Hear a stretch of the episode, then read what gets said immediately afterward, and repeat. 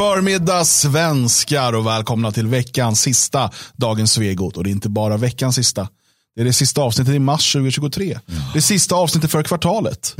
Jag får alltid ångest när kvartalsslutet närmar sig. Ja, jag vet. Det är så mycket som ska göras då. Momsen ska in och det, ja, det är mycket skit som händer i kvartalsskiftet här. Sverige AB tornar upp sig på horisonten och står där med sina stridstrummor och säger in med det och in med det och in med det. Ja, men varför ordnar ni inte att ni, så att ni får uh, årsmoms istället? Uh, Nej, man, in, man måste ha så där lå, extra låg omsättning som du då. Ja, men man kan ju ljuga. Eller vadå? Det är bra. Det är ingen... Jo, det kan man göra, men problemet är att då blir, då, då blir det som, jag, jag känner en farbror och han gör inte sin bokföring på hela året. Och sen när det ska in, då sitter han där i panik och svettas och gör det för hand. det, det, och så vill man inte bli. Nej, man blir inte som honom helt Men kan man inte skaffa en revisor då? I, jo, men då, då göder man ju kapitalet. Ja, men det är sant. Vi är kommunister. Ja, men riktigt. Okej, Nej, hörni, det här är inte bokföringspodden, jag lovar. Eh, det här är dagens Svegot och det är fredag. Eh, så vi kommer blanda både högt och lågt idag och det är det som gör fredagarna så härliga. Till skillnad från den eh, intellektuella snofsighet som annars råder fyra dagar i veckan så brukar vi här sänka oss till också publikens nivå. Absolut, det gör vi. Och publiken känner sig hemma. Det är det här de kommer för. När vi pratar så att också kvinnor förstår. Vi ska prata om Magnus kvinnohat idag. Han har nämligen eh, fått eh, på tafsen av en, eh, en kvinna, en eh, Frida, som har kommenterat gårdagens avsnitt. Och du ska få, få, få försvara dig så bra du kan. Mm, ja, det, det går ju inte. Det kommer, ju, det kommer bli svårt, men jag har jobbat hela morgonen på att eh, göra ett försvarstal. Det ser ut som oj, oj, Luthers teser. eller ja. någonting. Det är ett gäng. Kommer sedermera spikas upp på olika Oj, ja, så, ja. Ja, det, det, det ser vi verkligen eh, fram emot. Eh, och det är ju som sagt fredag, vi kommer kolla om bilans pappa bor kvar. Eh, det, det måste vi göra på fredagar. Eh, och eh, vi kommer även, vi har, vi har lite klipp, eh, knäppa klipp säga, att kolla på. Jag har också hittat mitt spirit animal, mitt, Ja. mitt själsdjur, säger man det? Ehm,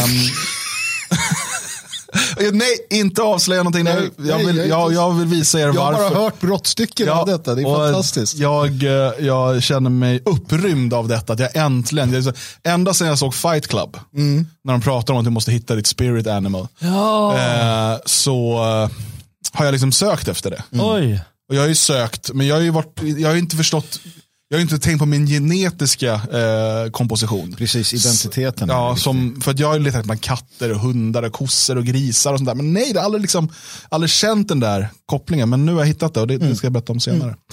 Eh, och visa varför. Ehm, Vi hoppas få se en söt liten pingvin där. vi får se, vi får se. Eh, de är häftiga i och för sig, de där Är kejsarpingvinerna. det de med tuppkammen? Är det de med så här spret, spröt? Är det de? Jag vet, jag vet inte. Hörrni, eh, eh, vi, eh, vi ska däremot börja med att prata om Alltså det som har varit det stora ämnet på något sätt den här veckan. Ett av de större åtminstone. Och jag känner lite liksom, hur, hur historiens vingslag börjar flaxa igång här. Alltså hur vi just nu är inne i en typ av paradigmskifte. Hur det, hur det händer någonting em, med den, den svenska debatten om massinvandringen, folkutbytet och så vidare. Som kommer förändra debatten eh, för en ganska bra tid framöver. Vi lever i en synvända. Ja, jag tänkte just säga det. Synvända. Ja, men lite att det här kommer, den här veckan, den debatten som har varit den här veckan, kommer vara den här synvändan eller den här, eh, när man liksom tittar tillbaka på dem några år, det är att där hände någonting. Precis som att vi kan säga att 2010 när SD kom in i riksdagen hände någonting. 2015 den så kallade eh, migrant eller flyktingkrisen, där hände någonting. 2023 folkutbyte, där hände någonting. Jag, jag tänker så här, eh, kommer du, jag skrev ju en bok om 2014, Nej, om 2016. 2016. Bra koll. ja.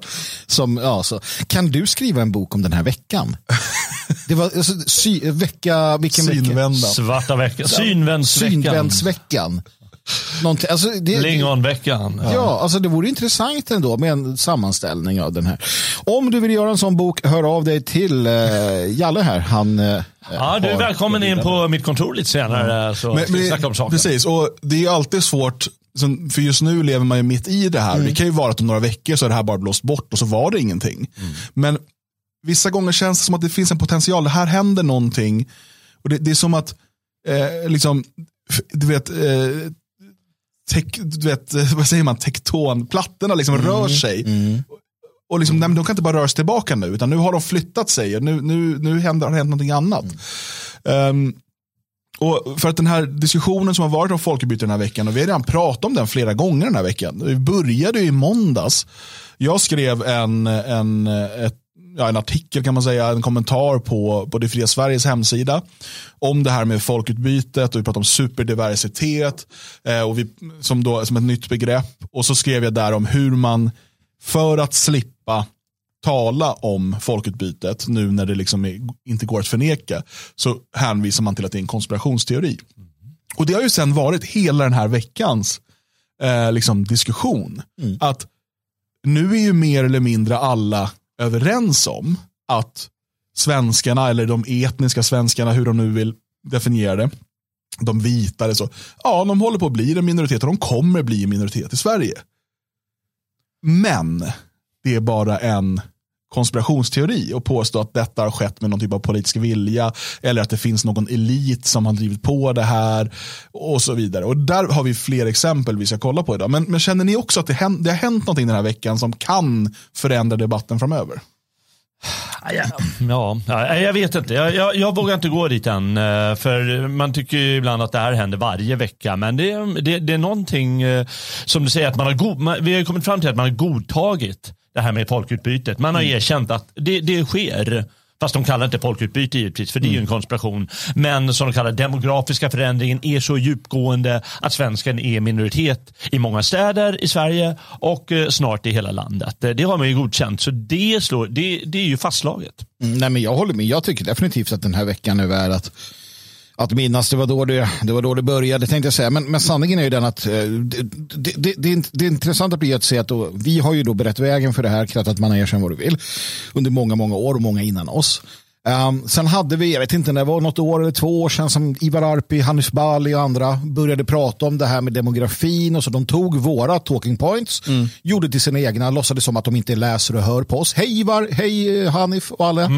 Eh, och sen så gjorde de det sina egna och sen så förde de ut och folk sa Åh, kolla, Arpi säger det här. Eh, och sen fortsatte de att trycka på det här och fick en massa skit men stod på sig. Och nu då så kommer de andra bara, jo men så här har det alltid varit och ni har ju röstat för det här. Konspirationen är ju en annan, det är ju det vi har menat hela tiden. Och de bara, bara byter fot. Ja. Så, Ja. Fantastiskt det, att se. Det, det som händer och det som har hänt den här veckan det är ju faktiskt att eh, i och med att de säger att, eh, det har, att den här demografiska förändringen faktiskt har skett och att det är ett faktum så säger de lite implicit, vi har ju alltid sagt att det är så här. Det är det som är det nya då, att, eh, att de inte bara godkänner det som något negativt utan de godkänner att vi har alltid stått för det här. Vi, har alltid, vi tycker inte att det är bra men det är sånt som händer. Vi har alltid vetat om det här. Tidigare har de låtsats om att eh, vi har varit naiva. Det var det gamla va- vanliga förr i tiden. Så det är en retorisk ändring hos dem. det är Och det är givetvis för att, eh, att eh, undskylda det de har åstadkommit, eh, att urskulda sig i förväg och eh, att eh, sitta kvar vid makten. Det är de två grejerna. Ja, sen, sen är det ju lite intressant att se, vi kan, vi kan gå in närmare på det här med tag, men de, de har redan börjat hitta olika, ehm, olika svar på varför. Tobias Hübinette till exempel säger att ja, men jag har, han, för att han har publicerat forskning som visar just bevisar folkutbyte i demonstrationstecken. Och säger han, ja, men för att du ska använda min forskning för att bevisa ett folkutbyte, då är du rasist. Du måste vara rasist i grunden. För jag säger ingenting om något folkutbyte. För det är inte ett folkutbyte, för tycker du det, då är du rasist. Och, och, och sen säger då Christer Mattsson att vad det handlar om egentligen det är att det är ingen som har bestämt det här utan det bara sker för att det är, migrationen är naturlig. Jorden har alltid, det har alltid varit migrationer. Men okej, för det finns ju en massa då om det här nyspråket kring folkutbyte, det vi har sett den här veckan. Och, och, och Vissa av de här sakerna har man hört lite grann förut, men det blivit så koncentrerat den här veckan som att det har varit ett stort ämne. Eh, och vi började då, det var ju mm, eh, Mattias Karlsson i Kalla fakta. Eh, och det är liksom en av få gånger de senaste, jag vet inte hur många år, som man får säga något gott om Mattias Karlsson. Och det är Absolut. kul att få göra det. Ja, det det. Eh, för där han liksom står på sig och säger jo men det här sker och liksom, det är matematiskt. Och till och med när de säger så här, men det är en konspirationsteori att det är en liten elit. Så, här, så säger han, men per definition så är ju politiker som fattar de här besluten en liten elit. Så på vilket sätt är det en konspirationsteori?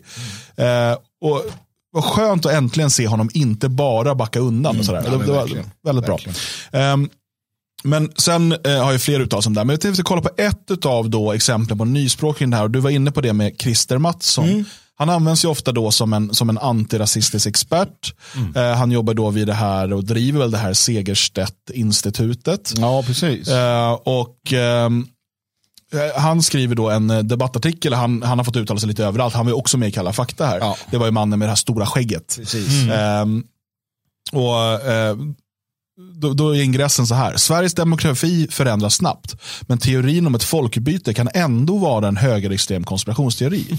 Forskaren Christer Mattsson vänder sig direkt till SDs eh, Mattias Karlsson. Jag vill bara inflika där att de inte har ändrat på kan ändå vara till är. Ja, Eh, ja, Ja, precis. Men det, men det är ju för att ehm, så skriver han, han skriver då till så här. Ehm, Låt mig försöka nyansera det hela. Påståendet att Sverige och andra västländer är utsatta för ett folkutbyte, att ett visst folk, kristna vita människor, håller på att bytas ut mot annan, muslimer eller icke-vita människor, behöver diskuteras från två utgångspunkter. Ett, Sverige har genomgått en mycket kraftig demokratisk förändring de senaste 50 åren. Två, den så kallade folkutbytesteorin är en högerextrem konspirationsteori. Och så säger han, jag kan som forskare ta fram statistik som visar på en kraftig demografisk förändring av den svenska befolkningen och kan ur min egna levda erfarenhet komma ihåg att befolkningen i bostadsområden där jag lekte som barn, ja, de ser annorlunda ut idag. Att mina barndomskvarter ser annorlunda ut idag är dock inget resultat av ett planerat folkutbyte, utan av en växande global migration. Människan har alltid migrerat. Jag skulle till och med våga påstå att människan har använt migration som en evolutionär strategi. Eh, och så säger han att allt går liksom fortare nu, migrationen eh, går fortare, det är stor ojämlikhet i samhället, så människor ser möjligheter och därför eh, invandrar de till Sverige. Eh, och, och liksom, så det, det är liksom naturliga rörelser som, som, som gör det här. Um, och, och så säger han, detta är inget pågående folkutbyte, detta är konsekvensen av ex extremt ojämlik värld, i vilken svenskar i genomsnitt förbrukar fyra jordklot per person och år, medan människor i, i till exempel Afrikas horn förbrukar ett halvt jordklot. Det som gör folkutbytesteorin till en konspirationsteori är att den utgår från föreställningen att det finns en elit i västvärlden, vilka inte representerar folket och som vill försvaga det vita folket i syfte att säkra sitt eget framtida maktinnehav. Denna idé kombineras alltid med en annan djup- konspirationsteori, påståendet att det finns en djup stat. Jag- Jag vill, bara, jag vill bara börja på ett ställe här. Ja. Eh, alltså hur fan förbrukar man fyra jordklot per person och år? Det där är sådana här Ja, men det, är, låtsasberäkningar det, de det hela tiden. Det slängs in en massa jävla låtsasord och, och låtsaspåståenden. Det har Det, alltid det han vill visa är väl att eh, vi har det bättre här, vi konsumerar, vi kan Ja. konsumera Men mer. så- Det, det finns väl så- något, eh, nå- något som de kallar för då. Jag vet inte. Jag vill bara säga, senaste gången, eh, bara fastslå en annan lögn. Alltså senaste gången vi hade en, en, en marka, alltså under folkvandringstiden, som heter folkvandringstiden, så hade vi folkvandringar. Sen den tiden så har de legat ganska, jag säger inte helt, men det har varit ganska fastslaget. Några större migrationsvågor liknande de vi har med alltså miljontals människor Nej, som alltså, flyttas in i nej, det, Europa. det du har är ju eh, olika typer av erövringar. Vi har Osmanska Ja, riket och så vidare. Som, som, och, och liksom, det är ju ett folkutbyte som sker. Ja. Jag, jag måste, måste fråga här, eh, om vi låtsas att du är Christer Mattsson. Ja, så låter skägg, skägg, Ja, skägget växa lite. precis. Du håller på att komma dit. Ja. Det ska bara bli lite grått också. Eh, säg, eh, har Sverige ansökt till NATO? Eller, Ja. ja. ja, just det. Och varför? Eh, för att de är rädda för Ryssland. Ja, officiellt. men rädda för krig. Vad gör man om man eh, tror att det är risk att man blir invaderad, att det blir krig? Man eh, stärker sitt försvar. Ah, just det.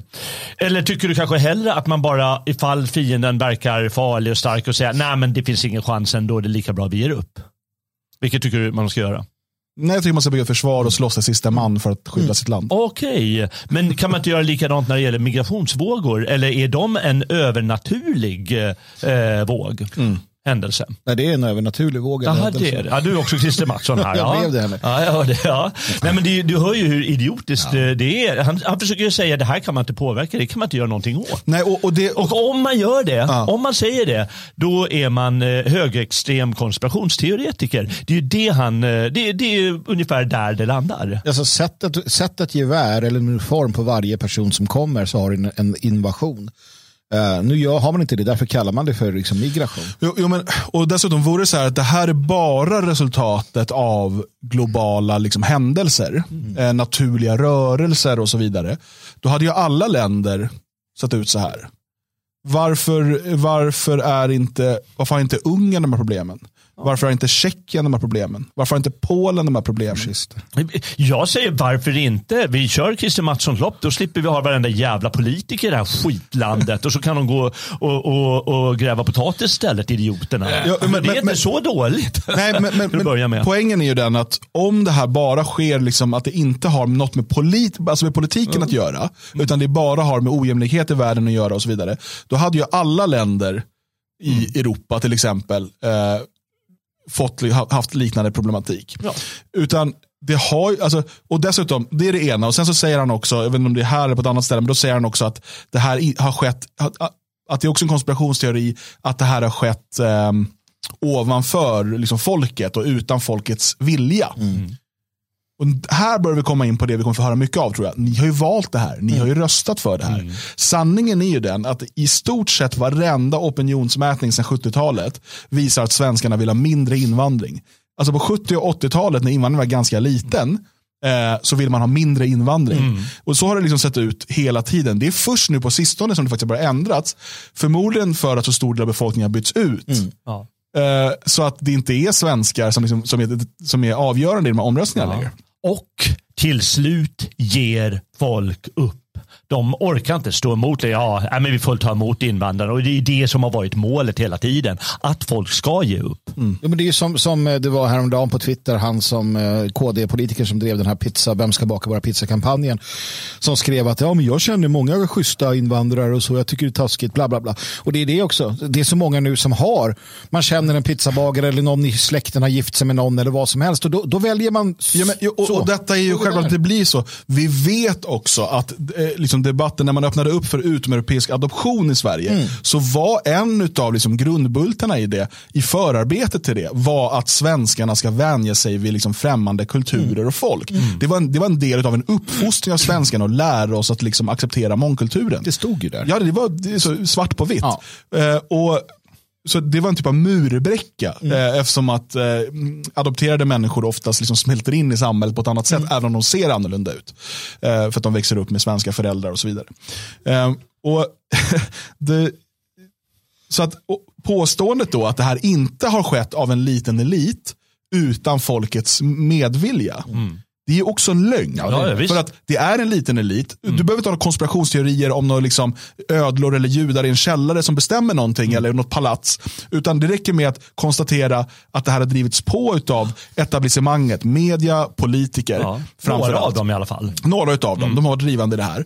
Eh, och de har tagit de politiska besluten som har möjliggjort detta och varje gång svenskarna har tillfrågats i opinionsundersökningar har de varit emot det. Precis. Alltså har det skett av en liten elit ovanför svenskarnas huvud. Som, och nu citerar jag honom här, inte representera folket. Mm. Det är inte en konspirationsteori. Nej, du har ju, du har ju Mattias, du har ju eh, han som hade Uppdrag granskning och så vidare. Alla de har ju också vittnat om att journalister under väldigt lång tid valde bort att, att rapportera negativt för att man var en del av en viljeriktning, en zeitgeist om att Sverige skulle ha en jättestor och jättehög invandring för det var det goda och rätta att göra och därför ljög man. Det har man ju erkänt. Att... Och, och de har dessutom smusslat med det. Ah, det är de som är kabalen. Mm. Jo, men, på och, sitt sätt. Liksom. Och, menar, inte... hur, eh, hur har då den här det finns två saker till. Om det nu bara sker av en slump och det inte på grund av politiska beslut. Hur kan det komma sig att nationalister redan på liksom 70-talet och till och med tidigare än så. Men titta tillbaka på de rörelser som fanns på 70-talet och vi kan se deras gamla pamfletter, vi kan se deras flygblad och så vidare, deras böcker och skrifter. De varnar för det här. De säger det att låter man invandringen gå på det här viset så kommer svenskarna bli minoritetseget land. Det var liksom en av huvudparollerna från BSS. Varför hette det BSS? Bevara Sverige svenskt. Mm. Jo, för att om invandringen får fortsätta som de gjorde på 80-talet mm så kommer Sverige inte längre vara svenskt. Varför då? Jo, för då blir det ett folkutbyte. Sen kanske man inte använder begreppet folkutbyte, men det var samma man talade, eh, varför stod den här kvinnan med hennes namn nu från Ny Demokrati i Sveriges riksdag mellan 91 och 94 och sa hur lång tid ska det ta innan våra svenska barn vänder ansikte mot Mecka? Mm. Jo, alla som var emot det här såg att om invandringen fortsätter blir svenskarna i minoritet. Alltså var det uppenbart att det var på grund av politiska beslut att det skulle bli så här. Ja. Det var in, och det är inte någon överraskning för någon som har liksom tittat på saken att det blir så här.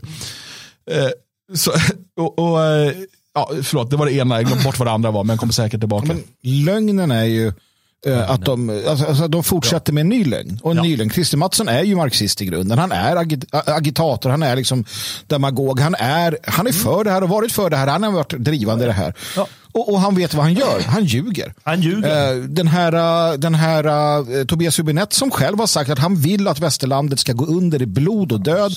Han har berättat själv om hur han attackerar människor. Han hatar vita. Han vill att vita ska dö. Mm. Han ljuger ju i den mån att han, han då fortsätter att underlätta för detta och så vidare. Daniel Vergara på Expo och så vidare.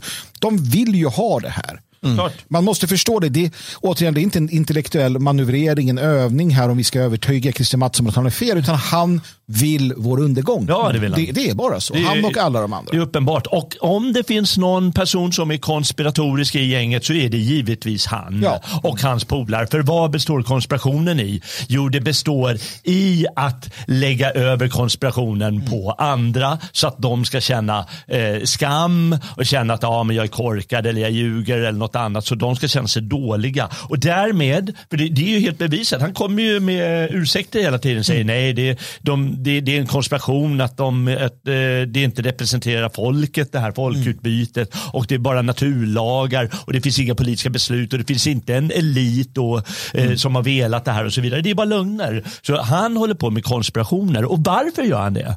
Jo, för att det, det, är alltså ett sätt att manipulera människor så att han kan exploatera mm. situationen. Så att han kan tjäna pengar. Jag låter som en jäkla marxist här, kommunist här. Men varsågod, jag tar ja, det. det. Att han kan utnyttja andra så han kan förslava människor. Det behöver inte vara arbetare, det kan vara andra människor. Va? Så han kan få bestämma och hans polare kan fortsätta göda sig moraliskt och ekonomiskt. Det är en riktiga jävla kryp det här. När han säger på slutet av den här artikeln att eh, han tror, och säger han lite fint så här, jag tror inte ett ögonblick på det, att eh, han och Mattias Karlsson säkert vill alla svenskars väl. Tror inte jag ett ögonblick på vad han säger. Jag tror att han vill deras oväl. Mm. För jag tror att han är ett kräk. Mm. Jag tror att han är en riktig, riktig spya till människa. Mm. Och det, jag hoppas han lyssnar på det här och ja, fattar och, och, och äter upp sitt skägg någon gång.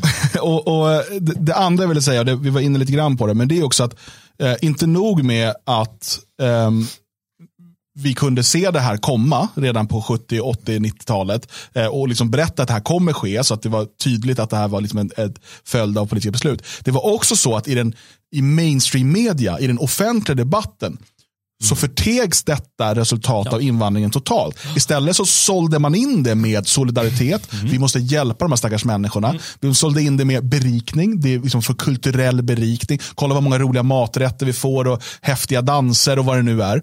Eh, man, man eh, sen eh, sålde man in det med att vi måste rädda välfärden. Vi behöver invandring för att rädda välfärden. Vem ska annars baka våra pizzor och ja. så vidare. Aldrig, aldrig i den offentliga debatten, i media eh, och och i, i eh, parlamentet Aldrig diskuterar man, ja okej okay, vi ska ha den här invandringen eh, för att det berikar vår kultur och det kommer rädda vår välfärd.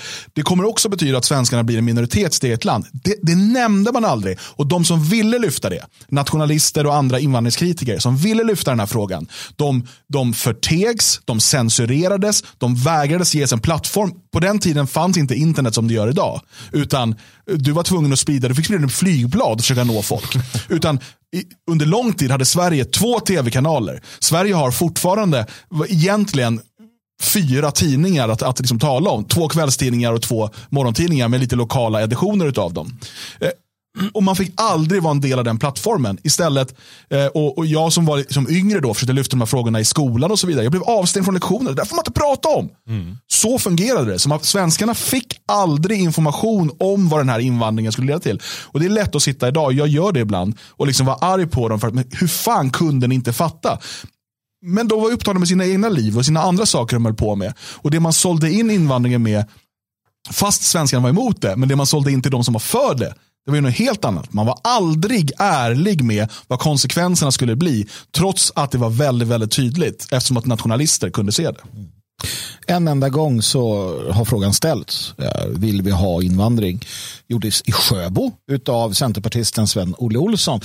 Eh, då var det ett rungande nej. Eh, varpå han då fick epitetet Grisolle. Mm. Och, Svinolle. Svinolle. Och att man sa att det kommer aldrig någonsin folkomrösta om invandring. Det kommer inte ske. Det, för då säger svensken nej. Så på den vägen är det. Men när ja. vi fick chansen en gång lokalt i Sjöbo, nej tack. Ja, och eh, det här har ju fortsatt under hela veckan. Eh, och, och Richard Jomshof går ut och då försvarar sin eh, partikollega eh, och skriver så här. Eh, gängkriminaliteten och den organiserade brottsligheten är till stor del ett importerat problem. Svenskarna är på väg att bli en minoritets i ett land. Det pågår en islamisering. Det är inga konspirationsteorier utan fakta. Mm. Väldigt tydligt. Tack Sverigedemokraterna, äntligen. Det här är väldigt, väldigt tydligt. Det är mm. det här som behövs sägas gång på gång på gång på gång. Och eh, När man då säger det så är det såklart, då, då går topplocket totalt på, på liksom vänstern och de svenskfientliga. Ja. Eh, för att det, så här får man inte, eh, får man inte prata. Jimmy Åkesson, eh, diplomaten som alltid försöker navigera runt det här med deras öppna svenskhet. Eh, vilket är svårt, Eh, för att om svenskarna blir en minoritet så måste man börja definiera vilka svenskarna är. Mm. Eh, men jag tycker ändå att jag blir sur på Åkesson på ett sätt. För att han är så här, det behöver inte vara ett problem, bla bla bla. Jag förstår också inom vilken ram han arbetar. Mm. Så jag blir ändå glad att han ändå fortsätter stå på sig att ja, mm. det här sker. Rent matematiskt så sker det. Jomshof skrev att svenskar håller på att bli en minoritet i Sverige. Håller du med om det? Om man tittar på den demografiska utvecklingen eh, i Sverige de senaste 20 åren så har ju andelen med utländsk bakgrund nästan fördubblats. Och det är klart att tänker vi då 20 år framåt och att den dubblas en gång till, eh, då är vi ju där. Det är ett matematiskt faktum. Eh, men då handlar det om vilken politik vi bedriver. Eh, vi har väldigt många människor i Sverige som som har sin bakgrund i andra länder. Eh, tyvärr så har det förts en, en ganska kravlös integrationspolitik som har gjort att de har hamnat i utanförskap istället för att bli en del av samhället. Och då måste ju politiken fokusera på att de som vill bli en del av samhället ska kunna bli det långsiktigt. Och då måste det inte vara ett problem, men det blir ett stort problem om Sverige blir mer likt länder i till exempel Mellanöstern och så, eh, vilket ju är risken om man inte för en, en, en politik som går i andra riktningen. Anser du att man kan vara svensk om man har utländsk bakgrund? Ja, det är klart att man kan. Jag känner jättemånga som, har, som skulle ingå i den statistiken. Vad är det för jävla icke-fråga? Vad ja. betyder det ens? Vad betyder, du kan inte säga utländsk bakgrund. Nu vet jag, alltså Sverigedemokraterna de har sin öppna svenskhet och så vidare. Mm. Så han skulle kunna ställa den frågan lite hur som helst. Och Jimmy hade kunnat säga ja. Men det är ju så här, icke, vad, vad, betyder det? Jag är, vad, vad var jag nu? 3% inuit. Mm. Men det, det, är ju bara den här median försöker alltid, ja. de har inte gett upp det där. Jag tycker, det, det som är intressant och det som är tydligt är ju att att eh, Jomshof, eh, Åkesson och Karlsson har pratat om det här. Jag tror att jag ska ge dem, jag ska ge dem lite mer beröm än du till och med. Oj, oj, jag ska säga att de har, de har arbetat fram en strategi, kanske under en längre tid, för att kunna komma hit. Uh, och man har pratat med varandra och man har förberett Jimmy på att vi, nu gör vi det här och han säger ja. För att han är så pass förberedd, han vet precis vad han ska säga. Det finns inte en, inte en darrning på manschetten. Han visste precis att det här kommer och hur jag ska svara på det. Uh, jag, jag, tror att de, de, har tänkt på det här. Lite den här, den, den här hemliga agendan. Kanske finns lite uns kvar av den inom Sverigedemokraterna. Vem vet? ja, uh, i alla fall David Bas, experten på högerextremism på Expressen. Mm. Han konstaterar ju att det här är så som SD egentligen alltid har tyckt. Kanske inte alltid har sagt det. Ja, eh, så att eh, och, och um, Han är inne på det här med konspirationsteorin och så vidare. Vi kan lyssna på vad David Bas har att säga. Reaktioner. Jag kan ju själv vara lite eh, förundrad inför de reaktionerna. För att de här åsikterna som det handlar om, det är inte alls någonting som Sverigedemokraterna som parti har försökt eh, egentligen gömma undan. Utan jag skulle eh, faktiskt säga att det är grunden i Sverigedemokraternas eh, politik. Om vi då ska ta och bena ut vad det här handlar om rent ideologiskt. För att det är som de är vikt, som två viktiga ideologiska beståndsdelar som det här handlar om. Så det första det brukar kallas för eh, folkutbytet. Och det här är en term som i och för sig har kommit i svang de senaste åren men som är en, verkligen en långsiktig som nationalistisk tanke. Och det handlar då om att... Eh, långsiktig, han menar att den har pågått under lång tid. Mm. Och han har helt rätt. Begreppet ja. folkutbyte är relativt nytt. Man brukar säga att det är den här franska eh, Camus eller Camus Hans, eh, att han liksom Le Grand Replacement, att han, han lanserar begreppet där.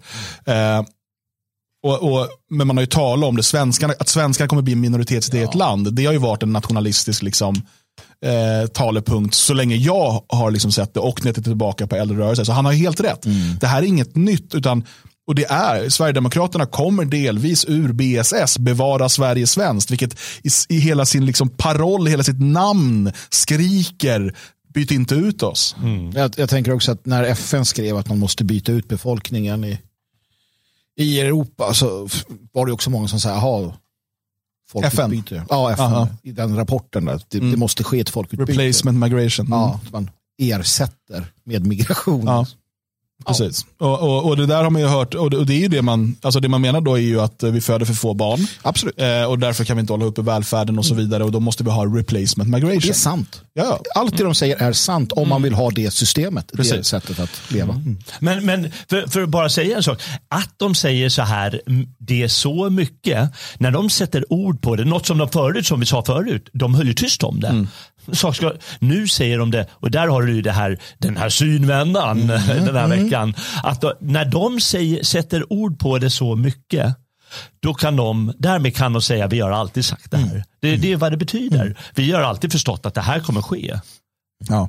Precis, och, och, och, det man försöker göra då det är istället då att försöka baka in en konspirationsteori i begreppet folkutbyte.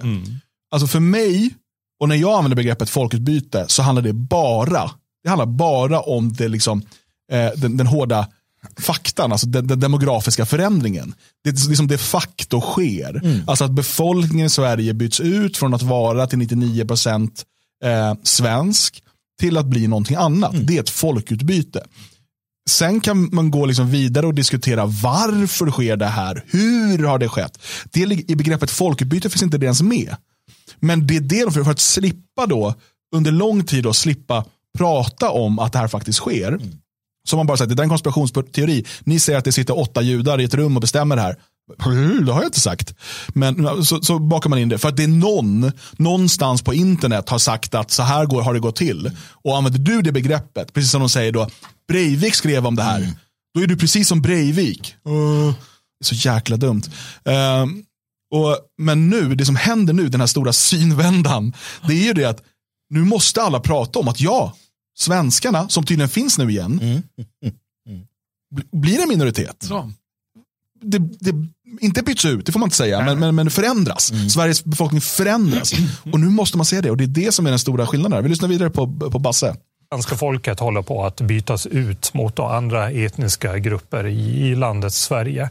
Från Sverigedemokraternas sida så har man faktiskt ända sedan begynnelsen i partiet hävdat att eh, svenskarna och svenskheten riskerar att gå under och det som då hotar svenskarna och svenskheten det är då en massinvandring men också en mångkultur och att man har då ända sedan dag ett varnat för den här utvecklingen och också då pekat på det i de viktigaste åsiktsdokumenten. Vi som Jag bara tänker, vad säger Christian Mattsson om att Bas, Christer Mattsson. Christer Mattsson, vad säger han om att Bas säger att SD har från början sagt det, för det gick ju inte att se. Precis. Eh, Mattsson står och hävdar att det här bara är skett av helt liksom, naturliga rörelser. Det, det finns inga politiska beslut på det här.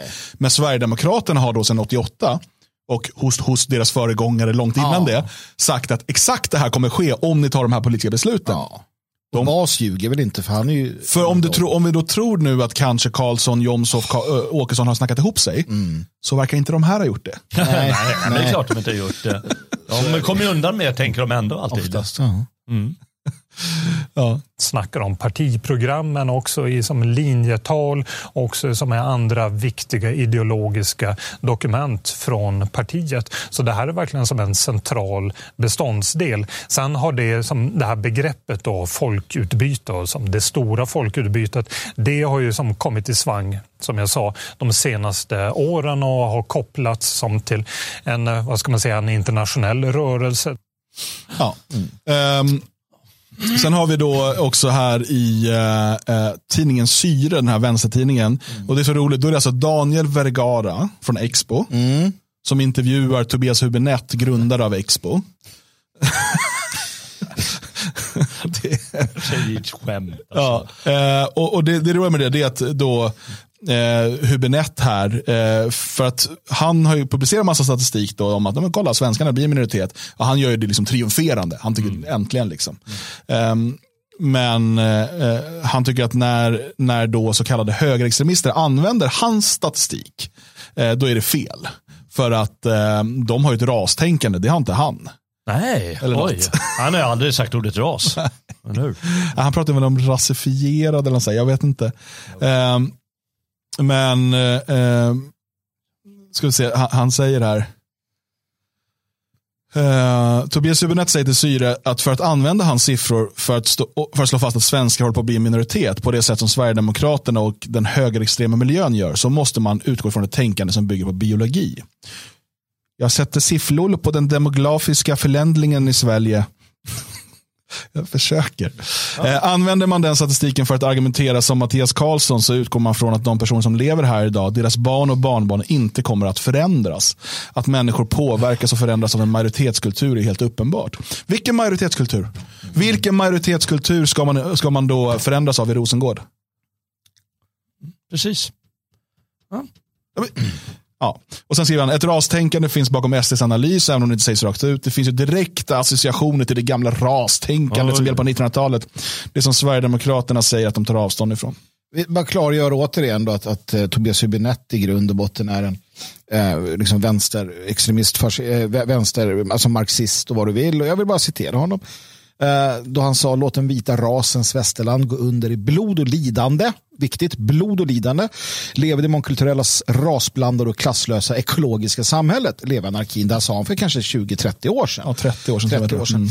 Mm. Man, kommer ihåg att han, det här är han. Han kan ha, han kan ha förändrats lite grann och, och nyanserat sina åsikter, men i grund och botten så vill han att den vita rasen ska gå under i blod och lidande, klassiskt marxistiskt hat, eh, till förmån då för ett mångkulturellt, rasblandat, klasslöst ekologiskt samhälle. Det är vad han tror på. Ja. Det, och, och Vergara då, Vergera, tillhör den här liksom, extrem vänsterliberala tidskriften, eh, hemliga underrättelsetjänsten, privata Expo och så vidare. Bara för att få den här kopplingen. Det är, de, det är inte en oberoende tredje part mellan två stridande krafter. Men kom också ihåg att Hübinette var alltså regeringens expert. Han fick uh, av uh, Ullenhag under regeringen, den andra Reinfeldt-regeringen, ja. vart ju han då regeringens expert och utredare mm. om afrofobi. Aha. Det är så Tobias Hübinette rätt som har sagt då, låt den vita rasens västerland gå under i blod och lidande. Ja. Reinfeldt bara, han ska vi ha! Ja, Vilket säger en hel del om, om det här med, med var de står någonstans. Ja, men det är ju logiskt. Ja. Det är att de, de vill ju ha honom. Mm. Jag säger ju alltid att när en kvinna gruppvåldtäcks, då korkar de upp champagnen.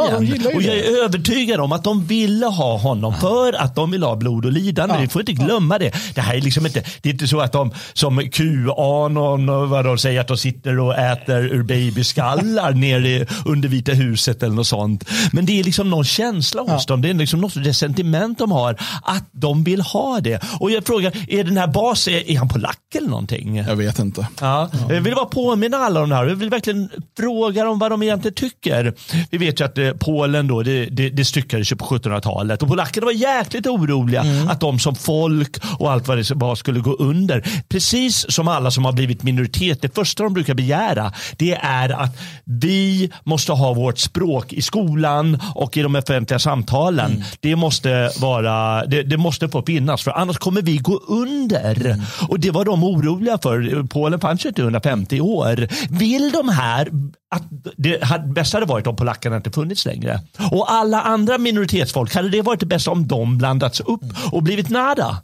Mm. Ja, det är vad de vill. Skurkarna. Glöm aldrig det. De pratar om, om minoritetssamhälle där alla är blandade. Men de vill inte ha minoritetssamhälle utan de vill bara ha blod och lidande. Glöm aldrig det. Och, och det kan bli så. Men eh, det kan ju också bli, och det här är viktigt för oss att ta oss till så att vi kan liksom få upp mungiporna lite så här. Så, och det, det är att konstatera att när folk blir minoriteter så vaknar något i dem också.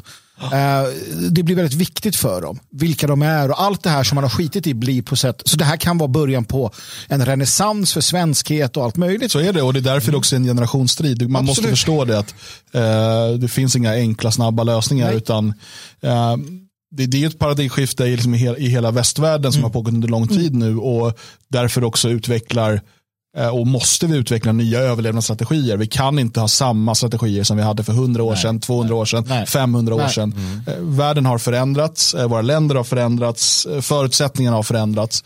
Eh, Och, och därför eh, kräver, krävs det nya, nya strategier och nya förståelser. För att dra lite på mungiporna kanske, jag hoppas att den här gången, den här gången får vi jubla. Det, det måste, det är fredag, vi behöver detta. Kom igen nu, kom igen, ge oss det! Ge oss det! Ja, det vet vi inte. Då måste vi kolla det här. Eller behöver vi kolla det här?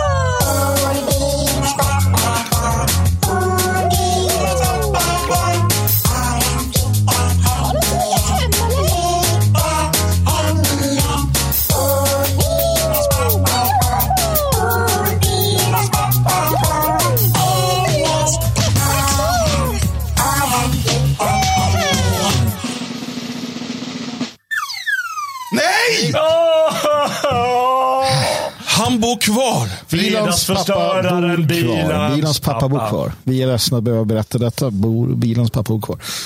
När ska vi få korka upp kampanjen? Bilan Osman, vad håller pappsen på med? Har det ännu inte gått igenom hos, hos verket? Vi vet ju i och för sig att, att skattemyndigheten är seg. Ja. Ja, det är sant. Folkbokföringen. Alltså, men Alltså, det är- vet du vad jag känner? Vet vad jag känner? Jag känner så här. Ja. Det här börjar närma sig nu. Han måste flytta Ja, snart. det är nära. det är nära. Det är nära. Det är nära. Och när det görs, då måste det firas ordentligt. Det måste firas. Jag tycker att vi ska eh, se till att ha en riktigt fin champagne på kylning. Som vi har redo varje fredag. Ja. Eh, och se till att eh, liksom ha den här glas redo och allting. Så att vi kan ha en stor fest i studion när Binans pappa äntligen har flyttat. Ja. Eh, och jag tänker så här att ju finare champagne desto bättre. Och vi får inte öppna den förrän Binans pappa Nej, har flyttat. Nej, nej. Eh, och om du vill hjälpa till med insamlingen till den här Bilan-champagnen eh, så kan du swisha till 123 510 5762 och så märker du det med champagne. Så får vi se till, blir det för mycket pengar som kommer in då får vi köpa flera flaskor. Absolut, och sen absolut. är det så här att Magnus dricker normalt sett inte alkohol, men Ja, när, när jag kommer dricka. Ja. Jag kommer dricka åtskilliga mängder. vi kommer dricka upp allt som vi har i, i Ja, alltså, ju mer ni betalar och bjud, så ju, ju fler champagneflaskor vi köper desto fullare blir vi. Men, men hörni, det är ju inne med sådana här eh, personer på vinflaskor och vinboxar och så. Kan vi liksom, Är det ingen eh, eh, som känner en eh, fransk champagneproducent som kan göra eh, bi, Bilan hem-champagnen eller något sånt eh, Just det. och lansera här uppe i kalla Norden? Det hade kunnat bli en Ja, storsäljare. det hade det kunnat bli. Leif Nej, men- GW ser sig omsprungen på vinlistan. Liksom.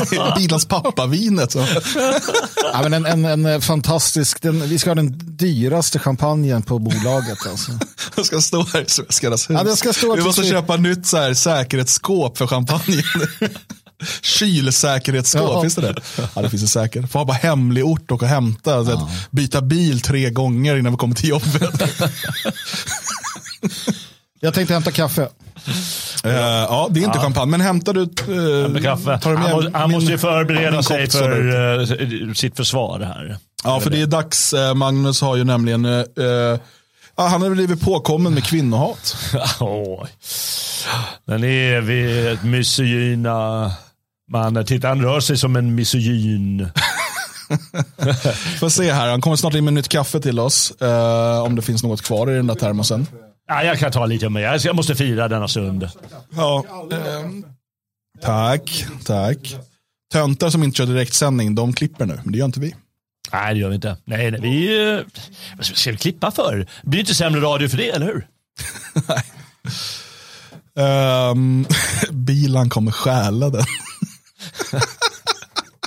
Somaliska pirater som kommer in och stjäl vår champagne. I am Dan Eriksson. Look at me, this is my This champagne is now. Dan Eriksson now.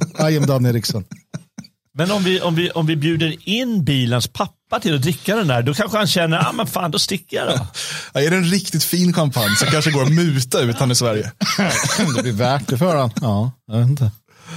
Ja, nej, eh, så, det kommer man, det jobbiga, det kommer att stå här. Och så kommer man, det det kommer börja, saliven kommer börja, så här, ja, och så, så, jag kommer, jag kommer, mitt hat mot bilans pappa om han inte flyttar kommer bli större och större varje vecka. Men hur, hur, eh, hur smakar champagne egentligen? Har du aldrig druckit champagne? Aldrig druckit Ja, champagne. då är det ju en eh, utmärkt, eh, då ska vi ha en fin champagne. Jag hoppas nu att eh, lyssnarna tycker att vi ska ha en fin champagne till det här. Har du, har du sett på stjärnorna någon gång, en stjärnklar himmel? Ja, Tycker du det är härligt? ja absolut. Tänk att du smakar det. På himlen.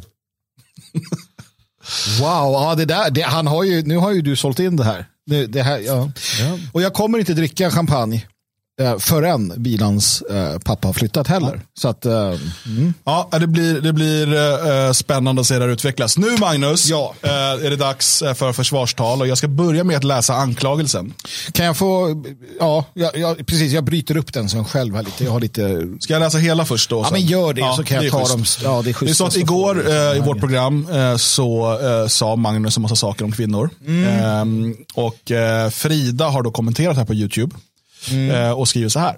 Det är knappast rättvist att säga att det är kvinnor som bara vill döda barn. De absolut flesta som dödar barn är män. De som misshandlar barn mest är män. De som våldtar barn är så överväldigande män att det finns ingen proportion. Det är dock absolut mest kvinnor som blir tokiga och aggressivt försvarar galenskaper i samhället, medan män är mest och handfallna och ser på. Abort har funnits i tusentals år, men det var aldrig något problem förrän 1800-talet, varken för kristna eller hedningar. Och man ska bara veta hur många kvinnor som pressas och tvingas till abort av sina män. Hur många jag sett bara sista året utan att ens leta, utan bara snubblat över de här berättelserna. Vuxna kvinnor i fast förhållande, kanske med barn sedan tidigare och deras män pressar, tvingar och hotar att lämna dem om de inte gör abort. Män som gör vasektomi och inte berättar om det. Under flera år av eh, sin hjärtkrossades fru lidande av sin barnlöshet för han vill inte att hon ska lämna honom. Det sista var inte om abort, men mer som gör mig så jävla irriterad då så många män inom nationaliströrelsen låtsas som att alla sociala och familjerelaterade problem eller låga födelsesiffror är kvinnors fel. Något som inte stämmer alls. Kvinnor vill fortfarande ha barn mer än alla män. Män är våldsamma mot barn mer än kvinnor. Och vad gäller abort så är det alltid såklart två parter inblandade. Knappast många goda potentiella familjefäder där som gjorde sina flickvänner på smällen innan hon gick in på kliniken. Det gör fantastiska saker och det finns inget jag lyssnar på hellre, men det var- där var bara nej. Vad vill du ha för ett soundtrack? Nej, jag vet inte. Det, det, soundcheck of our lives tänker jag skulle kunna vara. Nej, men, eh, jättekul att Frida eh, hör av sig. Jag tycker också att det är kul, eller noterar att hon inte alls blev upprörd över att jag kanske kan ha sagt att hon behövde en örfil då och då enligt eh, Sean Connery-standard. va. Eh, men i alla fall så tänker jag att jag ska dela upp det här lite grann och ge ett svar. Det är dags för ett försvarstal. Ett, ett, ett djävulens försvarstal. Ja, alltså, jag, jag sa väl inte egentligen, kanske, eh, att, att kvinnor bara, alltså att bara kvinnor vill döda barn. Det kanske var slarvigt sagt i sådana fall, men det jag ville ha sagt var ju att eh, det faktum att, att, att det man ser är att i offentligheten så ser man framför allt kvinnor som skjuter om rätten att få döda sina egna barn i moderlivet. Det är en majoritet kvinnor, utan tvekan, som, som skjuter om att man ska få göra det.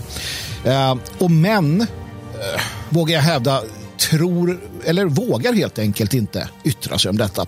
Män har också blivit tillsagda att de inte får yttra sig om detta, för män är inte kvinnor, så då ska inte de säga något om det här. Så att på det sättet är det ju ändå en, en, en kvinnosak på något sätt. Va? Eh, undantaget ligger då framförallt bland kristna kvinnor, och framförallt i USA, men också några i Sverige, som verkligen höjer rösten mot detta. Så att, eh, det är väl det jag vill säga om den saken då, att, att eh, nej, det är klart inte bara kvinnor som vill döda sina egna barn. Det eh, finns en hel del män säkert också. Va? Eh, så det var det. Inga kommentarer på detta? Nej, nej, nej, det är ditt försvarstal. Det är försvarstal, Ja. absolut. Tack så mycket. Eh, det är ju såklart sant att det är framförallt män som dödar barn. Det är framförallt män som dödar kvinnor, som våldtar eh, både barn och kvinnor och allt möjligt. Eh, titta på kriget i Ukraina. Titta på krigen genom historien. Det är män som dödar, framförallt män. Det är också framförallt män som våldtar män. Uh, framförallt är det så att män våldtas mest. eh, om du tittar på fängelsesystemen.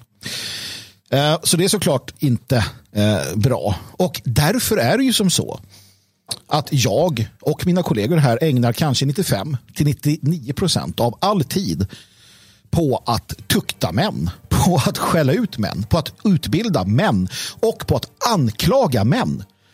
Ehm, där vi bland annat då försöker förmå män att rikta aggressiviteten åt rätt håll. Eh, att ställa sig upp, att, att säga ifrån, att göra saker och så vidare. Så att jag känner väl också där att framförallt så är det då eh, männen som får den här breda handflatan. Va? Men det undantar ju inte kvinnan från ansvar i sammanhanget. Ja, eh, precis. Det är framförallt kvinnor som blir tokiga och skriker högt om det här i samhället. Och det var ju därför som jag benämnde det som ett matriarkat, ett galet matriarkat, ett matriarkat som driver på bland annat frågan om rätten att få mörda sina egna barn i moderlivet. Eh, jag är den första att vara positiv till att ett annat, inte matriarkat kanske, men en annan eh, grupp kvinnor ställer sig upp och säger ifrån om det här naturligtvis. Eh, och så är det ju som så att männen måste resa sig upp och ta tag i det här matriarkatet och säga åt att nu får det vara nog. Så att det är männens uppgift. att eh, Ja, det, det, det är där vi står där då. Huruvida det har varit ett problem med aborter historiskt sett. För det hävdar ju då Frida att det inte har varit, varken för kristna eller hedningar. Men, men, för vad, vad tror du hon menar där? Att det inte har varit ett moraliskt problem eller att det liksom inte har skett? Jag tror nog att man menar att det inte har varit ett moraliskt problem. Ja. Det, det, det, är min, min mm. ingång. det är så jag förstår det också. Ja, precis, att det är bra. Ja. Men jag tänker att den hippokratiska eden visar ju att man i alla fall hade en tanke om att du får inte ge fosterfördrivande vätskor eller vad han nu säger där. Och det var ju ändå ganska länge sedan som den där skrevs. Va? Så att jag tror nog att folk har haft problem med det, men man har nog också sett det på ett annat sätt under olika skeenden. Va? Så att där menar jag att det finns ingen entydig att det har varit mer eller mindre, eller det har varit mer eller mindre oproblematiskt. Man har hanterat det på olika sätt. Men det vi ser idag med en enorm, ett enormt sådär ställningstagande, demonstrationer och lagstiftning och abortfester och liknande som kvinnor arrangerar där man säger att vi har rätten, det ska grundlagsskyddat att vi ska få göra det här. Det har vi faktiskt inte sett historiskt sett, inte på det sättet. Uh, och det kanske är som hon säger. Jag tror säkert att många kvinnor pressas till abort och män är svin och så vidare. Jag, jag, jag håller med. Jag är rätt det, övertygad om. Det är jag helt övertygad om också. Så att, det, det, är då så får det inte vara och det är därför vi ofta och jag då äh, skäller på män. Det är intressant tycker jag. För, är du klar med det förberedda? Uh, nej, jag har mer här. Okay. oj, oj, oj. oj, oj.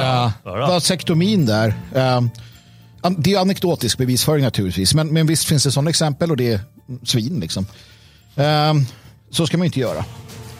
Och uh, det här med att vi skulle då Eh, att män inom nationaliströrelsen låtsas som att alla sociala och familjerelaterade problem att det är kvinnors fel. Nej, men det är det ju inte. Jag menar, det har vi, det har vi i alla fall många gånger sagt. Och tror man det så har man fel där helt enkelt. Ehm, men mannen, mannen måste kliva fram och göra sitt och kvinnan är som hon är och måste också förstå att hon är biologisk på ett sätt. Alltså. Att kvinnor vill ha mer barn, fler barn då än män eh, och så vidare. Eh, det, det, det, vet jag inte. Men, men alltså, jag vet inte. Hon är väldigt säker på, då får vi lita på Frida, att det är alltid så. Att, mm. att, att, kvinnor vill ha mer. Om jag får spela in ja. där bara så tror jag att det där handlar ju om en, en, en subjektiv uh, beskrivelse av det, alltså det man själv har upplevt. Jo. Um, och det, man har ju pratat om det tidigare att uh, som man är det naturligt att jag de flesta av mina vänner är män. Mm. I stort sett alla bara mina vänner. Jag, alltså, sen har jag bekanta och kollegor och sådär. Nej, alltså, jag, jag, tror inte på det där, att, uh, men, men jag har min fru. Ja. Eh, men men ja, hur som helst, och, och jag känner ju såklart då till mängder av fall där eh, mannen vill ha barn men inte kvinnan. Jag känner till mängd, eller flera fall eh, där kvinnan har gjort abort mot mannens vilja. De har levt tillsammans och så vidare, men hon har ändå gjort det. Eh, jag känner till eh, fall av riktigt eh, både fysiskt och psykiskt elaka kvinnor eh, mot sina män. Så att jag känner till färre liksom, exempel åt andra hållet, men det är ju för att jag inte känner så många kvinnor som kan berätta de historierna. Jag antar att det liksom, människor beter sig rätt illa, både män och kvinnor i, i olika skeden. Men jag, jag, jag, kan in, jag förstår inte hur Frida kan vara så säker på att kvinnor vill ha barn mer än vad män vill ha barn. Det, det, det, jag är inte säker på det alltså. Jag tror att det där, det där är väldigt eh, jämnt fördelat. Liksom. Ja. Nej men precis, och vi är alltid subjektiva och man gör ofta felet att man utgår från sig själv. Jag gör också det, väldigt många av mina argument.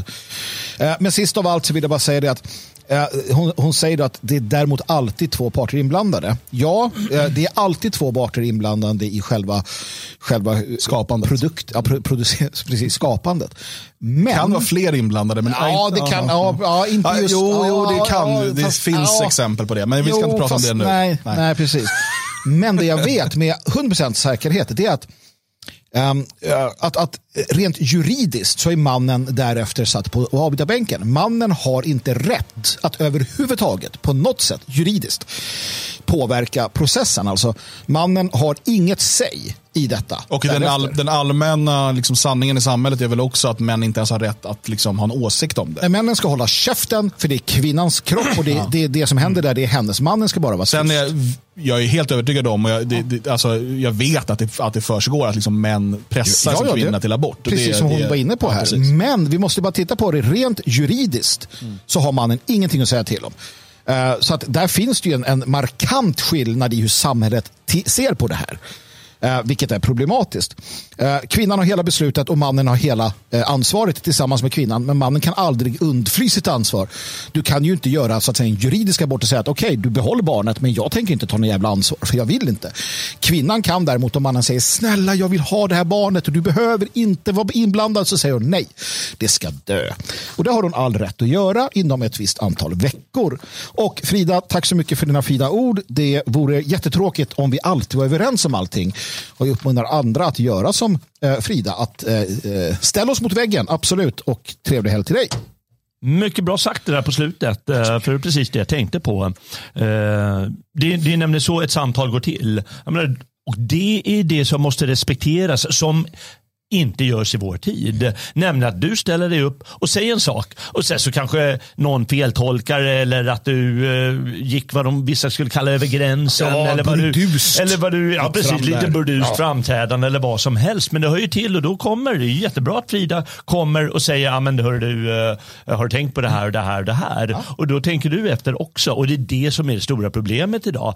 Det är den här, som du också sa, totala skeva retoriken eh, som finns. Eh, alltså hon säger att inom nationaliströrelsen finns den här skevheten. Men det beror ju på att den är så fullständigt galen i det offentliga samtalet. Eh, nämligen, för där, där utgår feminismen ifrån att eh, kvinnor är goda och män är onda. Punkt slut. Eh, eller som de sa förr i tiden, män är djur. Ja. Eh, Och eh, då, då står man givetvis inför problem. Och vi har samma sak med hbtq-rörelsen och bögar och allt vad det är. De är, anses ju goda då. För de är mi- minoritet. Alla minoriteter är plötsligt goda. Ja, snart, är, snart är vi svenskar också goda. Och det kommer en dag. När vi är minoritet. Ja. Ja, precis. Ja. Eh, nej, men, eh, och det är ju det stora problemet och det är därför hela den här eh, konstigheten i samtalet eh, finns där. Och eh, jag vill eh, säga ett par saker till. Eh, jo, men det här med aborter. Ja, jag tycker det, det har funnits i alla tider och eh, jag tycker väl, eh, ja, men det, är ju, det är ju människor som har handlat på eget bevåg och jag menar, de ligger ju i knipan när de är 16 år kanske och blir eh, oönskat gravida. Och det har ju funnits tusen lösningar på det här. Ett sätt var ju förr i tiden att åka iväg. Jag menar, inom de rikare sfären, borgarsfären, ja, då fick de åka iväg och föda barnet där. Eh, det var ju inte välkommet. Det var ett utomäktenskapligt barn eller vad som helst. Va? Eller dottern, man åkte iväg med dottern. Ja, men nu ska vi på semester i Schweiz. ja, det är lång semester. Ja, men ibland vill man ju vila upp sig ordentligt. Va? Och det har ju funnits de lösningarna och det, det är bara att respektera att det har funnits så i världen. Och det, men idealet har ju varit i alla tider att behålla sitt barn. Precis, och det Liksom, där är så viktig, ideal. viktig eh, liksom, eh, del av det. Att, för att det finns ju liksom tusentals variabler när, när, när, någon blir gravid. Alltså det finns så många saker som spelar in eh, i liksom hur har, det, hur har det gått till? Hur förberedd är man? Var är man i livet? Är det, man verkligen, ska man verkligen ens vara förälder? Är man rätt person för det? Eh, kanske har själv stora missbrukarproblem. Det finns ju massa sådana här saker som, som spelar in. Eh, och när man pratar om generella saker så går det ju inte att prata om varje enskilt fall. Men, men det som du säger där Jalle med att idealet, och det är det som är det stora, det stora skeva idag, är ju att idealet idag är ju aborten. Alltså kommer du som ung kvinna till, eh, till ehm, eh, mödravårdscentralen och är gravid. Då är det första du får information om abort. Mm. Och det är här som vårt samhälle har misslyckats och blivit förvridet och sjukt. På, på många sätt. Och samma sak då, du sa eh, abortfester, Johanna Rytel, eh, konstnärinnan, som då gör, alltså, gjorde smycken av sina aborterade foster, eller som skulle se ut som hennes aborterade foster. Eh, en del sparar sina foster och har som någon form av, alltså inte för att de sörjer dem, utan då, och, och, och de har, var i en abortfestival i Stockholm. Och det, det, de gör, det, det är de här sakerna. Och att det där kan ske någonstans i någon så här fringe liksom, galningar som håller på med det. Ja, men det, det, det händer, alltså samhällen, det finns alltid sjuka människor. Men här lyfts det upp i mainstream media som något vackert och fantastiskt, spännande, feministiskt, girl power. Eh, Och där är ju vårt samhälle skadat. Det går inte, det går inte att se det på något annat sätt. Ja, men vi Nej. har ju, jag, vill bara, jag tycker det, det där är egentligen det viktigaste av allt. Alltså, ni var inne på det båda två. Vad är det? Du pratade igår här om norm och normalitet och sådär. Någonstans så här, tjocka människor mår dåligt, tjocka människor behöver hjälp, att vara tjock är inte snyggt, att vara tjock är ett problem. Vi ska, vi, ska, vi ska ha en norm att människor är inte tjocka. Punkt. Det är normen. Normen ska vara barn, familj, inte abort. Det ska vara normen. Normen ska vara en massa bra saker som vi vet är bra för samhället. Så när det är klart, det är normen. Då tittar man på enskilda fall. Okej, du är, nej du är inte tjock. Jag är tjock. Hur ska vi komma till rätta med det här? Hur ska vi hjälpa dig? Kan vi hjälpa dig? Ska vi liksom, och så vidare. Men normen måste vara att du ska vara liksom hälsosam, du ska ha barn, du ska inte göra bort och så vidare. Det är ju det som är det viktiga. Idag så är hela samhället byggt på att allting, everything goes och, och vissa saker lyfts fram. Nu ska liksom tjockisnormen, så här, nej men du ska vara fet, du ska vara fet och du ska se ut så här för det är vackert. Nej, tjocka människor, det är inte vackert. Nej, alla som vill göra bort, det är inte liksom det bästa på jorden att göra och så vidare och så vidare och så vidare. Ja, Hörru du, någon skriver i chatten här att du fatshamear för guds skull. men eh, det kan, man, det kan man behöva göra ibland. Ja, nej, men det är bra att du säger det här också. Och sen, sen vill jag bara lägga in också, det finns viktigt från Adam här. Ursäkta, män kan också bli gravida. Hallå? Hallå, hallå. Nej, men eh, och, och den här normen som du pratar om, eller normrubbningen som har skett, den sker ju även män. och Frida har givetvis rätt eh, i allt det här med att män påverkar kvinnor, män kapar av sig sädesledarna eh, och, och sådana tokiga saker. Jag vet ju folk som gör allt det här och jag har ett problem. I Tyskland är det ju ännu värre. Eh, och eh, i Italien är det säkert ännu värre. Ni vet att eh, det som har hänt i Sverige de senaste 15 åren, eller 20 åren, nämligen att vuxna män som är 30 bor hemma hos mamma och sådär fortfarande. För att de hittar ingenstans att bo eller de är lite mogna eller vad som helst. Det, det, det har funnits i Italien i evigheter. Men i Sverige som är ett bondland där vi blir vuxna när vi blir 20 och då ska man ut i arbetslivet eller man ska studera och sen efter det så skaffar man jobb. Då, då har vi sluppit det. Men vi har hamnat där också nu och det är inget bra ideal. Och det betyder att män blir barn. Jag känner många från Tyskland då där, eh, nej men jag vill ju inte ha familj va? för jag vill ju kunna träffas här med polarna och röka på på fredagen. Eller jag vill kunna spela dataspel och tv-spel. Oj, men jag vill ju inte ha barn. Men jag, vill se på, jag vill se på fotbollsmatcherna och jag vill göra alla de där grejerna. Totala infantiliseringen. Total infantilisering. Och Det här kapa av sädesledarna är, är, det är inte infantilisering men det är också något, något sätt att det- ja, men det fattar du inte vad du, vad du, vad du gör? Okej, det, är- det är väldigt få som gör det, men det finns de som också gör det och, och, och hindrar sina eh, kvinnor från att få barn. Och man måste ju förstå att man är del av ett sjukt samhälle då. Och männen måste också växa upp för Guds skull. Men för att det ska kunna ske så måste kvinnorna för Guds skull i det offentliga ledande samhället låta männen också vara män. Att bli män. För nu vill ju feminismen och den här kvinnoligan, de vill ju att män ska vara någon sorts underordnade kvinnor. Det, är ju, alltså, det är ju helt galet. Så, så hon har rätt, båda parter, det finns två parter och båda måste skärpa sig ordentligt. Ja, det är jättetrevligt. Jag, jag läser att jag kan meddela att jag inte fick någon information om abort när jag gick till barnmorskemottagningen som gravid för första gången. Det gör mig jätteglad att höra.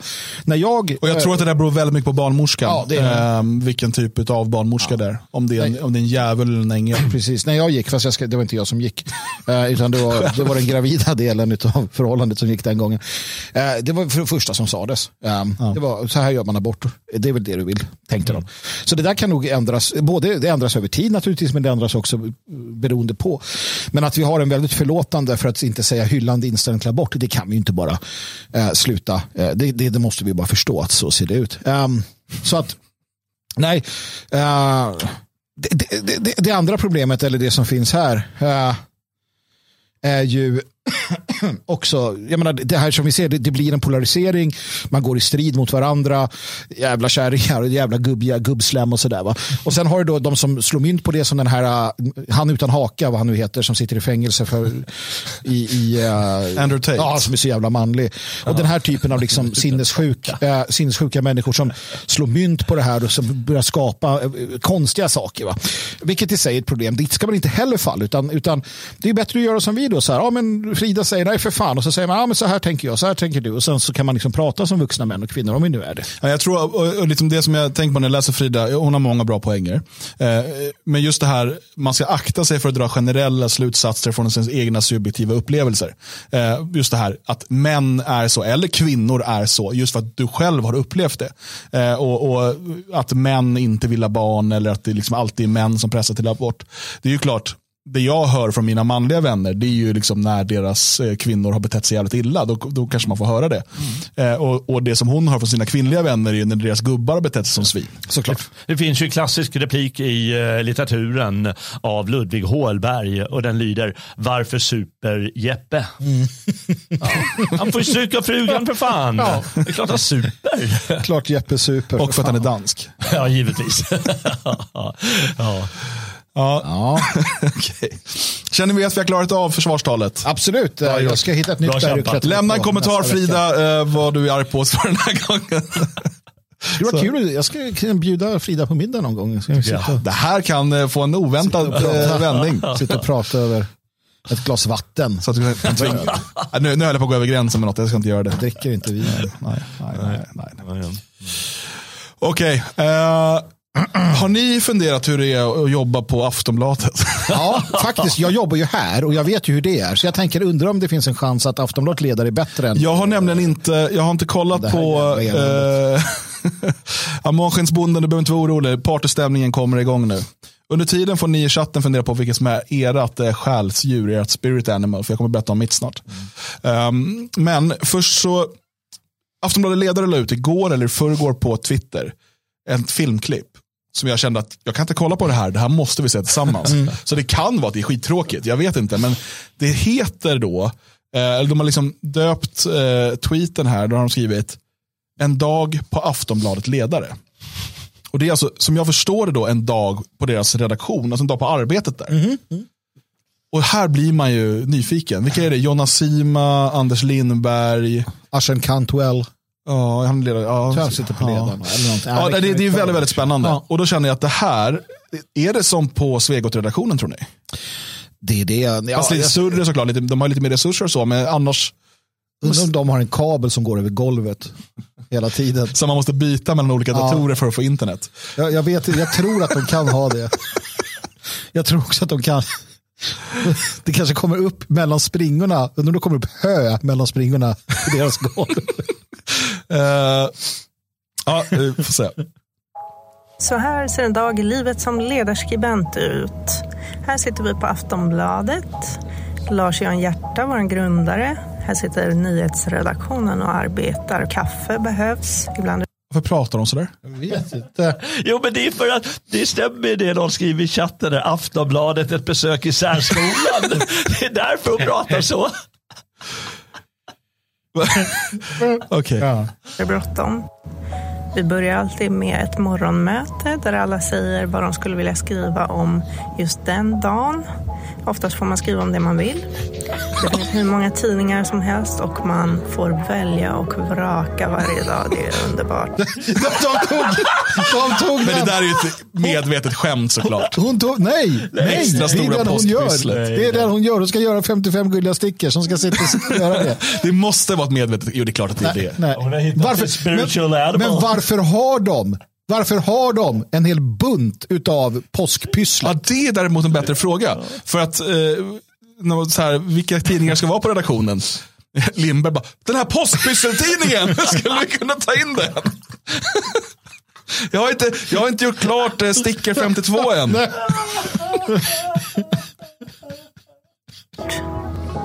Nour är vår praktikant. Där tunar hon sin stol till perfektion. Jag tittar på lite intervjuer med Ebba Busch som är i Bryssel. Sen går jag och Jonna faktiskt på lite mindfulness. Jobbar de inte? Hittills har hon gjort påskpyssel, kollat på hennes kurdiska kollega som försöker ställa in en stol, kollat på lite tv-inslag och nu ska hon på mindfulness. Det här, nu börjar jag bli provocerad. Jag, jag ska förklara sen. Okej. För att jag ska prata med om min arbetssituation. Passar på att prata med kulturredaktionen innan det är dags för lunch i vår gemensamma Vänta, hon har gått och pratat. Hon gick på mindfulness och gick och pratade med kulturredaktionen. Och sen är det lunch. Och sen är det lunch. Jag, jag, jag måste bara fråga Dan. Är du säker på att det inte här är ett av de här eh, satirshowerna de brukar göra om folk som ska jobba på, eh, försöka jobb på eh, vad heter Twitter nu för tiden? Någon sån här böna. Ja men de är ju själva, det finns ju sån där, så här, någon som jobbar på Meta eller på Facebook där, när hon tjejen, det handlar ju bara om att de dricker kaffe och tränar. Och käkar veganmat. Ja. Det- det- därför- ja. Det, det är ju sånt. Det är verkligen det är, sant, det är verklighet ja. där. Ja, ja, det här är på riktigt. Det här har de publicerat det själva. Här. Ja, alldeles. Innan det är dags för lunch i vår gemensamma matsal. För min del blev det fisk med ris. Ingvar däremot är jägare så han klippte väl där på vägen till jobbet antar jag. Oklar gunga på Aftonbladets redaktion. Eh, hade de en knullegunga på jobbet? Ja, den är ju till och med oklar för henne. Så att, eh, Ja. Gunga på Aftonbladets redaktion. Där kan man sitta om man har svårt att komma på vad man ska skriva. Just det, klockan ett börjar jag skriva någonting. Alltid lite trögt i början, men efter en timme så har vi något klart och Nor får lusläsa texten. Sen är det dags för inspelning av podd. Vår podd heter Åsiktskorridoren och det är Ingvar som programleder den.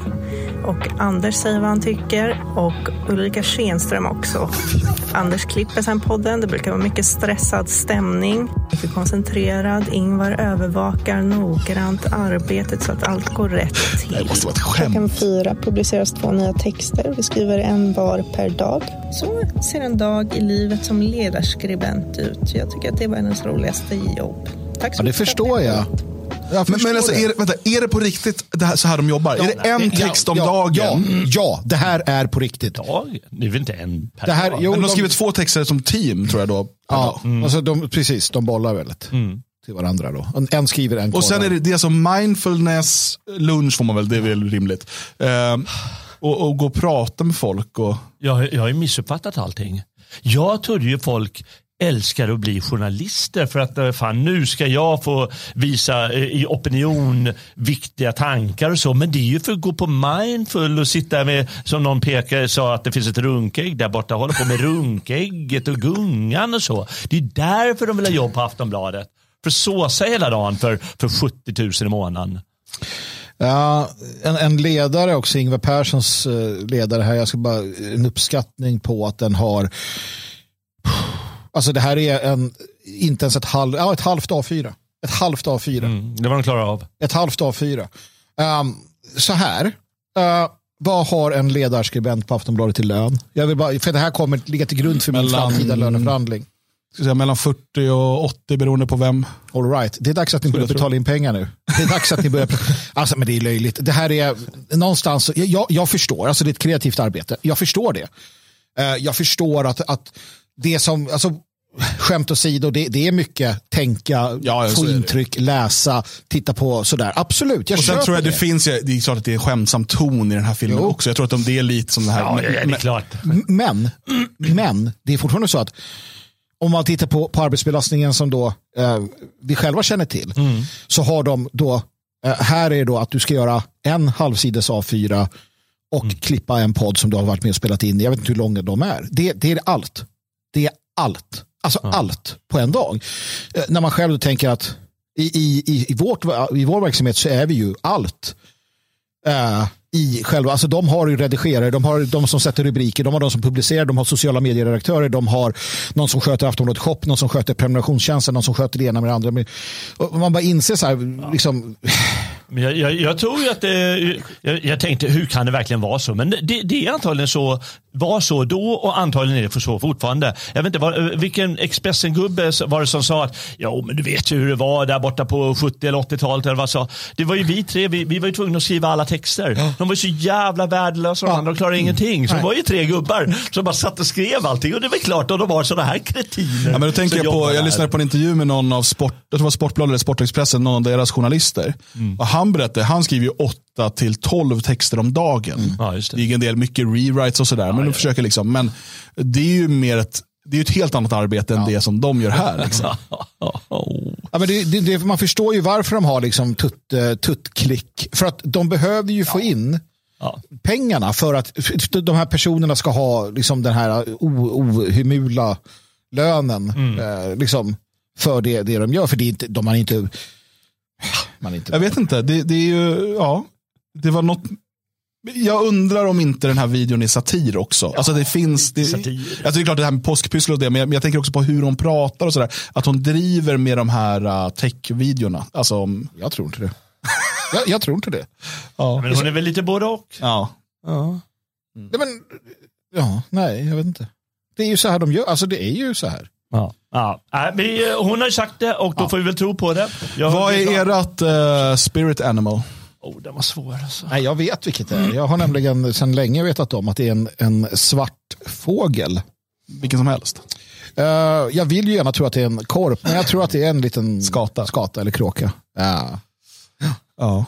Eh, det, det är det i alla fall. Det vet jag som sagt. Den har Jalle, har du något, har du något eh, spirit animal? Jag, skulle, jag, jag, Du känner dig besjälad. Nej, eh, jag vet inte. Jag, vill däremot säga, det är kul att du tar upp det här, för eh, jag är väldigt förtjust i, i den här idén som finns i den här trilogin som heter Mörka materien. Dark Materials eller så, kom på 90-talet tror jag. Och så blev, har det blivit film, så Gyllene kompassen eller sånt. Och sen så var det, nej men det, var, det, det har gått som tv-serie nyligen också, de senaste åren på BBC. Och eh, där är det i en värld, då har alla ett, eh, ett djur som man är eh, som man är, så att säga, har en, om djuret dör, då dör jag också. Då. Ja, då är det ett fysiskt djur. Jävla jobbigt ja. om det är en dagslända. Ja men då kan ju alla ha, det är bara, det är bara accepterat. eh, Ja, men du vill ju ha en kolörn liksom, eller en, en tiger eller sånt. Men det är bara att inse, om du fick en kackerlacka då var det så. Liksom. Den har väl också positiva egenskaper. Ja. Ja, och det, det är väldigt, jag tycker det är väldigt vackert. Tänk om du hade ett sånt djur som, du var tvungen, som alltid fanns med dig. Ja, Det är väldigt vackert. liksom. De har olika Men jag vet inte vad jag har. Nej. Ja, jag vet jag har inte, jag har inte Ja, hittat jag har ju varit ständigt sökande efter ett, ehm, ett, eh, ett spirit Det har animal. varit många, alltså vi har haft många samtal om det här på redaktionen. Du, har, du har mått dåligt över det här. Men sen, sen dök det upp, alltså igår kväll så tittade jag på SVT av alla ställen. Och då har de en ny eh, dokument, eller de har ju översatt då BBCs eh, senaste, deras Frozen Planet 2. Eh, hade premiär igår, första avsnittet. Och då dyker det upp ett djur som jag inte kände till sedan tidigare. Jag är inte zoolog, så att jag tror att säkert många känner redan till det här djuret. Jag kände bara inte till det.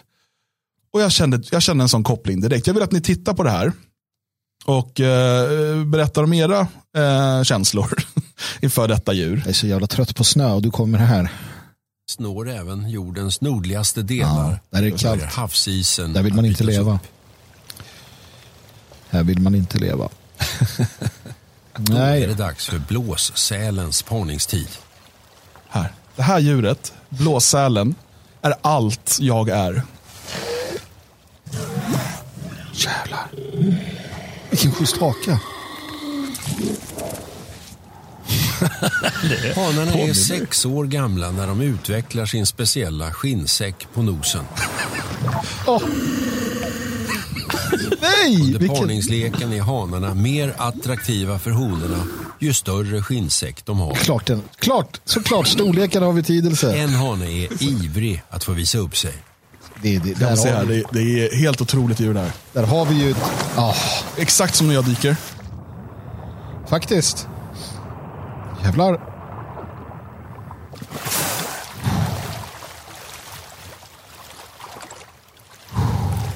Kolla, kolla in brudarna på stranden. En unge.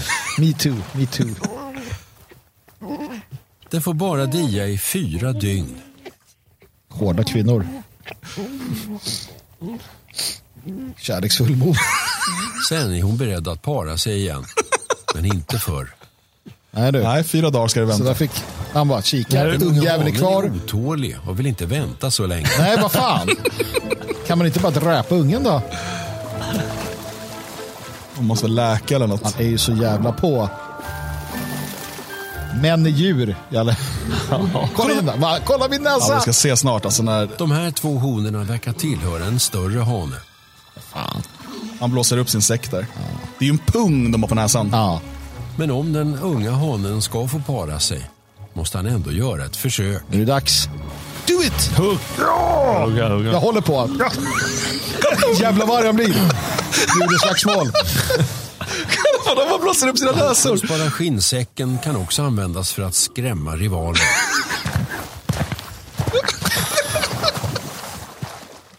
Den unga hanens djärvhet betalar sig. Drog han? Nu ska han uppvakta Vad fan? Jaha, han, han har visat upp skinnsäcken ju.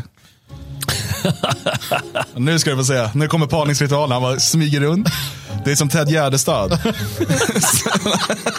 Hon- vet inte vad som... Hon, bara, hon är ju svårfångad. Ja, men nu är det dags. Nu, nu blåser vi upp skinnsäcken. Gumman, kolla den här. Ser man Han är skinnsäcken? smart som bara visar trynet där. Och nu börjar hon åma sig. inte imponerad. Nej, inte ett dugg. Din lilla skinnsäck kan du Då är det ta. dags att spela. Men dem. kan ett annat knep också. Ja. Se. Han visar, han visar något annat nu. Vilken... Han har ytterligare en uppblåsbar skinnsäck i nosen. Jävla bra. Och jävla ögonen där. va? Så Gumman, jävla... blir du sugen? Nu, hon kan inte hålla, hålla Nej, nu sig. kan du inte hålla sig. Nej, nu blev hon redo. Honan nu. Ja, säger hon. Ja, nu jävlar. Biter honom i stjärten. Det betyder nej.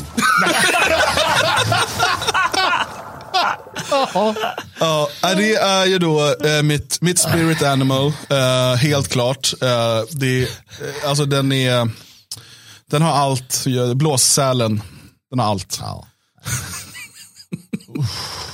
Ja, det gjorde ont. Stackarn, han fick inget heller.